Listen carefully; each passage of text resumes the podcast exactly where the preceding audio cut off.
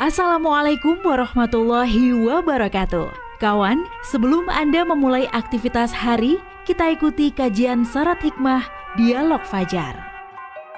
Assalamualaikum warahmatullahi wabarakatuh Alhamdulillah kawan Saya Fitriana Ayu Pagi hari ini senang sekali bisa kembali hadir di program Dialog Fajar. Di studio sudah hadir Ustadz Mim Saiful Hadi Kawan-kawan dari pesantren Al-Quran Nurul Falah Surabaya. Assalamualaikum Ustadz Mim. Waalaikumsalam warahmatullahi wabarakatuh. Alhamdulillah. Ini belum sarapan atau bagaimana Ustadz ya? Iya belum sarapan Pak. Sama kalau gitu. Ah rugi aku jawabnya.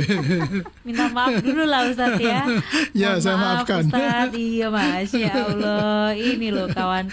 Tapi sehat ya Ustadz ya? Alhamdulillah sehat luar biasa, Masya Allah. Allah Akbar. Terima kasih Ustadz ya, sudah ya. menyempatkan waktu hadir di Suara Surabaya. Uh, topik kita pagi hari ini kawan. Iya, iya. Kemuliaan minta maaf dan memaafkan. Insya iya. Allah. Ini itu Ustadz Mim. Hmm, gimana gimana? Meminta dan memberi maaf itu mulia yang mana Ustadz? Oke. Okay. Monggo selengkapnya bersama Ustadz Mim Saiful Hadi. Ya baik baik terima kasih. Alhamdulillah wassalatu wassalamu ala Rasulillah Muhammad dan Nabi ba'dah. Allahumma salli wa sallim wa barik ala Sayyidina Muhammadin wa ala alihi wa sahbihi ajma'in amma ba'du. Bayu dan kawan-kawan hmm. sekalian rahmatullah Allah ya ini dalam kehidupan kita sehari-hari Mbak Ayu ya. Iya. Kita uh, apa memaafkan atau meminta maaf, hmm. memberi maaf atau meminta maaf itu kan uh, lekat ya dalam kehidupan kita dan kita bersyukur uh, dalam tradisi sosial kita kita lekat dengan dengan hal ini ya. ya. Karena kalau saya kalau ketemu sama teman-teman yang hidup di luar negeri sana itu hitungannya berat itu ya. Iya betul. Hitungannya susah itu karena Gengsi, ya karena tidak tidak dalam menyatu dalam tradisi mereka ya. Nah, nah tetapi ini eh, Mbak Ayu mencoba mengajak kita lebih detail ya. Iya. Um, yang mana yang lebih mulia, Betul. memberi maaf atau, atau meminta maaf Betul. kan itu. Saya akan kutipkan sebuah kisah, sebuah kisah mm -hmm. yang mm, apa menarik sekali di dalam sebuah uh, pertemuan mm -hmm. Rasulullah itu uh, sering mengucap ini akan datang seorang pemuda ahli surga gitu. Mm -hmm. Kemudian tidak berapa lama datanglah seorang pemuda, seorang pemuda yang apa itu yang dimaksudkan mm -hmm. itu. Pada kali yang pertama Rasulullah bersabda seperti itu, para sahabat belum yakin. Mm -hmm. Suatu hari Rasulullah ngendikan lagi, mm -hmm. akan datang seorang pemuda ahli surga. Tidak berapa lama masuk pemuda yang sama, sampai kira sampai tiga kali. Kemudian uh, seorang sahabat uh, semoga saya tidak salah yaitu Abdullah bin Umar atau Abdullah bin Umar radhiyallahu an radhiyallahu anhuma apa namanya uh, ngintil apa ng ng ngikuti loh mbak ya oh, iya, apa iya, ngetutno iya. lah pokoknya iya, iya, kemudian sampai di rumahnya ditutno hmm. sama Abdullah bin Umar sampai di rumahnya hmm. dan meminta izin meminta izin kepada orang tersebut hmm. untuk nginep. Nah, jadi dalam apa ajaran agama kita boleh mbak kita ini main ke rumah orang dan menginap. Oh, iya. Batasnya tiga malam saja loh ya. Mm, Itu yeah. menjadi tamu namanya, bertamu. Nah, dia bertamu kepada pemuda tersebut dan mohon izin untuk dibolehkan menginap. Mm -hmm. Oh, sangat senang. Saya karena tahu kan beliau putranya uh, Sayyidina Umar jadi tentu sahabat yang sangat dihormati kan Iya. dengan senang hati gitu kemudian padahal maksudnya Abdullah bin Umar ini mau mau ngintip Mbak Ayu hmm. jane amalane wong iki apa sih gitu ya apa sih amalannya orang ini sampai-sampai dia itu oleh Rasulullah diberitahukan sebagai ahli surga padahal namanya juga nggak terkenal gitu ya. Mm -hmm. Kemudian status sosialnya juga ndak tinggi, hmm. bukan juga orang yang kaya, bukan juga orang yang pokoknya biasa banget lah itu. Yeah. Levelnya biasa banget. Tapi kok bisa masuk surga sedemikian istimewa sehingga Rasulullah hmm. menyebut dia di, di dalam setiap eh, beberapa kali Rasulullah dawuh kepada para sahabat yang lain. Hmm. Maka penasaran apa sih amalnya amal amalnya amaliyahnya itu? diintip malam pertama nggak nemukan ya biasa malam tidur ya wiritan ngaji sholat jamaah semua lah. Uh, kayak sahabat-sahabat yang lain. Dan nggak nggak ada yang lebih maksudnya ya ya umum lah umum umum. Yeah. nggak ada yang istimewa sampai uh, malam yang ketiga. Nggak mendapati apa-apa. Nah eh, oh ya ada yang kelewat Ke- eh, ketika apa namanya Abdul ibnu Umar itu mau nginep ditanya lo kenapa kamu kok nginep di sini iya aku lagi ndak enak sama istriku kayak gitu katanya gitu bohong dia bohong gitu. Ya, ya. agar dibolehkan itu aja Kabur dari rumah.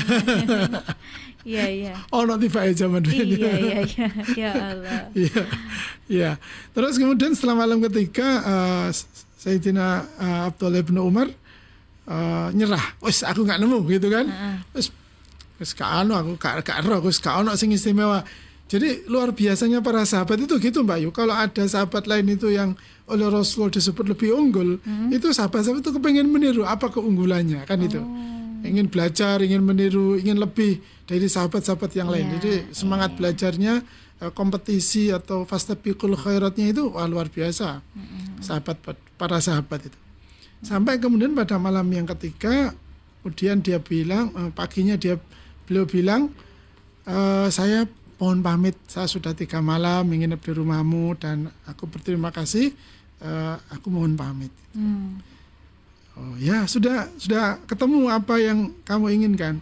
Uh, uh, Sayyidina Ib- apa Abdul ibn Umar mengatakan uh, uh, Mak, ya gitu bahasa basi gitulah atau kiku gitu. Tapi enggak enggak saya mau pamit saja. Terus, oh, tapi jangan-jangan apa yang yang ingin kamu tanyakan apa gitu masih penasaran. Begini loh, gitu ya. Dia terus terang kemudian, aku mohon maaf, aku minta maaf gitu. Bahwa aku telah berbohong kepadamu karena aku tidur di rumahmu, aku sesungguhnya tidak sedang bermarah-marahan dengan istri. Tetapi aku sesungguhnya penasaran dengan apa yang disampaikan oleh Rasulullah terhadapmu.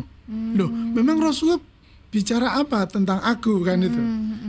Ketahuilah wahai sahabat, wahai saudaraku, bahwa Rasulullah setiap setiap kali engkau mau masuk ke dalam majelis Rasul, beliau bersabda akan datang seorang pemuda ahli surga.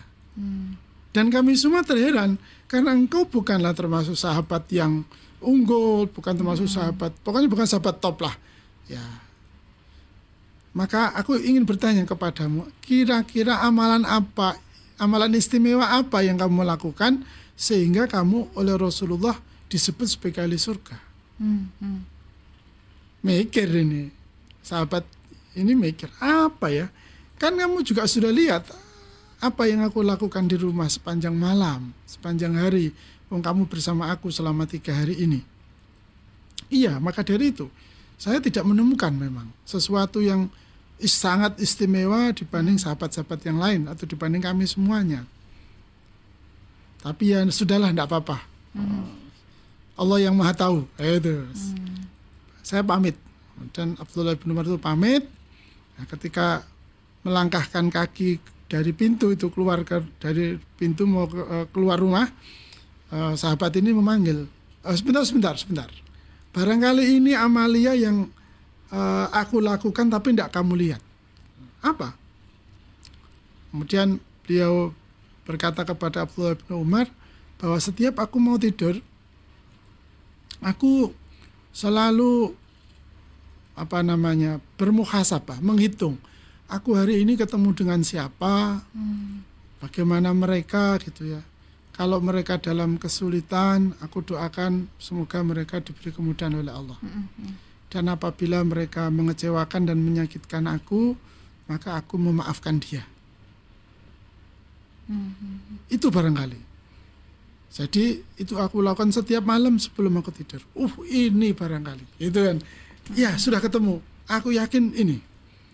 Nah, kemudian di eh, di waktu yang lain eh, Sab- Sayyidina eh, Abdul, Abdullah bin Umar mengkonfirmasi apa yang didapatkan kepada Rasulullah dan Rasulullah membenarkan bahwa sahabat itu amaliyah siriyahnya atau amal baik yang rahasia ialah dia memaafkan semua orang yang telah mengecewakan, menyakitinya sebelum yang bersangkutan meminta, Meminta maaf. maaf. Nah, kalau dari peristiwa belajar dari peristiwa ini Mbak Ayu, berarti memberi maaf itu justru menjadi kemuliaan yang tinggi bagi kita. Masya Allah. Jadi kalau kita mau memberi maaf itu jangan menunggu dia minta maaf kan itu ya. Iya, iya, iya, iya. Nah, bagi kita meminta maaf sesungguhnya adalah kewajiban kalau jelas-jelas kita kita eh, jelas kita melakukan kesalahan maka kita wajib untuk meminta Minta maaf. maaf. Tetapi kan tidak semua orang melakukan kesalahan kemudian menyadari Nah. bahwa dia telah berbuat salah. Salah, betul. Sedemikian rupa sehingga tidak merasa wajib meminta maaf. Kan itu ya. Iya, iya, iya. Itu yang masalah yang yang sebenarnya apa ya istilah saya itu menjadi perhatian yang eh, khusus bagi kita. Sam- kalau sampai ada orang kita, termasuk kita barangkali, itu sudah jelas melakukan kesalahan tapi tidak meminta maaf. Hmm. Itu berarti keras hatinya, keras hatinya. Maka kalau sudah hatinya lembut, bahkan level kelembutan hatinya seperti sahabat tadi, sudah jelas dia dikecewakan, sudah jelas dia disakiti, sudah jelas dia ya pokoknya dibuat rugi atau dihinakan, tapi justru dia mem- memberikan maaf sebelum yang bersangkutan meminta maaf. Kan sebagian kita ini kalau mem- memberi maaf atau memaafkan seolah-olah kan eh, gengsinya turun ya, Betul, harga dirinya dulu. Iya, betul Ustaz. Lapo, harga dirinya gitu. iya lapo wes. Dek lo gak sepuro lapo tak sepuro. Iya, iya Ustaz. Tetapi kalau kita belajar dari akhlak para sahabat, maka sesungguhnya adalah kemuliaan memberi maaf sebelum yang bersangkutan meminta maaf. Karena kan urusannya dia kan sebetulnya. Dia mau meminta maaf atau tidak atas perbuatan salah yang dia lakukan kan urusannya dia. Iya. Lah, kita akan mendapat kebaikan dari perbuatan salah orang lain ketika kalau kita menegur kan biasanya malah ngajak gegeran kan Mbak ya. Iya. Nah, belum tentu baik juga, belum tentu Iya. dapat baik juga kita, belum tentu dapat pahala juga kita. Mm-hmm. Maka apa yang kita lakukan agar kita mendapat kebaikan dari hal-hal buruk yang menimpa kita atau hal-hal yang tidak menyenangkan yang menimpa kita, maka berilah maaf. Kembali kepada eh, pembahasan silaturahim kita kemarin, Iya. maka men- menyambung silaturahim itu kan dia selalu berbuat baik dia orang kepada orang yang selalu menyakiti dia, dia selalu menyambung kepada saudara yang selalu memutuskan persaudaraan kan? Betul. Kasih sayangnya selalu disambung, kasih selalu dikaitkan. Nah, sama juga dengan meminta dan memberi maaf. Kalau kita eh, apa namanya me- mengikhtiarkan ya kita ini justru suka memberi maaf, maka lapanglah dada kita. Ya, ketika kita tidur tidak lagi membawa beban, kan? Gak nggak sampahan itu ya. Iya, iya, iya. Rasa marah itu kan sampah ya, Mbak ya. Betul, Rasa betul. sakit kan juga sampah. Kemudian rasa benci juga sampah gitu ya. Lama-lama jadi penyakit. Nah, lama-lama jadi penyakit dalam diri kita. Betul, betul. Tiba-tiba, ya bukan tiba-tiba sih, kemudian hati kita menjadi keras, kita menjadi pendendam. Kalau merasa kita banyak orang yang menyakiti kita, terus kemudian kita menjadi rendah diri kan itu ya Pak ya. Iya, iya. Merasa teraliniasi atau terasingkan, gak ono konco. Akhirnya kan eh, apa sumpah, kemudian menyendiri, melamun. Wassalamualaikum wis. Iya. nggak punya harapan kan merasa nggak ada teman itu kan bahaya juga akhirnya maka contoh sahabat kita ini tadi adalah sebuah contoh yang sangat mulia bahwa eh, berikan berikanlah maaf. Bahkan doakan lebih baik dari apa yang telah dia lakukan. Ketika dia menyakiti kita ketika dia eh, menghinakan kita misalkan begitu. Sehingga bagi kita ajaran agama kita tidak ada tidak ada sedikit pun pembenaran balas dendam. Itu tidak ada pembenarannya mbak Ayu. Iya. Uh, karena apa? Karena ajarannya berilah maaf gitu ya. Berilah maaf. Sepuronen sih wis. Sepuronen dhisik. Kalau kemudian dia meminta maaf, itu kebaikannya dia. Itu udah kewajibannya dia. Iya. Terus itu tanggung jawabnya dia. Tetapi tanggung jawab kebaikan kita, kemuliaan kita memberi maaf sebelum dia Minta meminta maaf. maaf. Karena kalau dia sudah meminta maaf, kemudian kita tidak memberi maaf, ya kita dosa juga. Iya, iya. Kan itu berarti, berarti memberi maaf ketika dia minta maaf itu ya memang wajib. Wis sewajarnya, semestinya, seharusnya itu ya. Sebaliknya, eh, tetapi kalau kita memberi maaf sebelum mereka meminta maaf, itu adalah kemuliaan yang Masya luar biasa. Allah. Semoga kita memiliki hati yang lapang, Mbak Ayu ya. Amin, amin, ya yang suka memaafkan dan tidak membawa tidur rasa benci, rasa iya, kecewa, iya, iya. sakit hati dan sebagainya. Iya, dan kalaupun kita punya salah itu selalu bisa merasa ya, Ustadz ya. Iya, betul, betul, betul. Tidak berat kita untuk meminta maaf akhirnya kan? Iya. Tidak iya, berat iya. untuk meminta maaf itu. Eh, sepurono yo, aku wingi salah. Indah ya Ustadz Oh, sangat, ya. sangat, sangat indah. Ya Allah, tapi kadang egoisme itu rasanya mas, ya itu yang kadang menguasai Ustaz. Iya, itu keperjuangannya kan ya. Iya, mau iya, dapat iya. pahala, mau dapat nah. ganjaran, mau dapat balasan baik kan harus ada usaha. Nah, semoga juga yang sesudah mendengar dialog Fajar pagi hari ini memaafkan sebelum ada yang minta maaf itu ya. semoga mendapat kemuliaan semuanya. Amin, Baik amin, ya itu yang memaafkan ataupun yang meminta maaf. Demikian juga kawan dialog Fajar pagi hari ini. Saya Fitriana Ayu dan juga Ustadz Mim Saiful Hadi pamit. Wassalamualaikum warahmatullahi wabarakatuh. Waalaikumsalam warahmatullahi wabarakatuh. Program Fajar yang baru Anda simak kerjasama Suara Surabaya dan Pesantren Al-Quran Nurul Falah Surabaya, lembaga dakwah yang amanah, profesional, dan berbasis Al-Quran Pesantren Nurul Falah mencetak guru-guru Al-Quran dengan metode tilawati dan tafidz Al-Quran. Informasi dan pemberian donasi hubungi 031 828 1278 atau nurulfalah.org. Wassalamualaikum warahmatullahi wabarakatuh.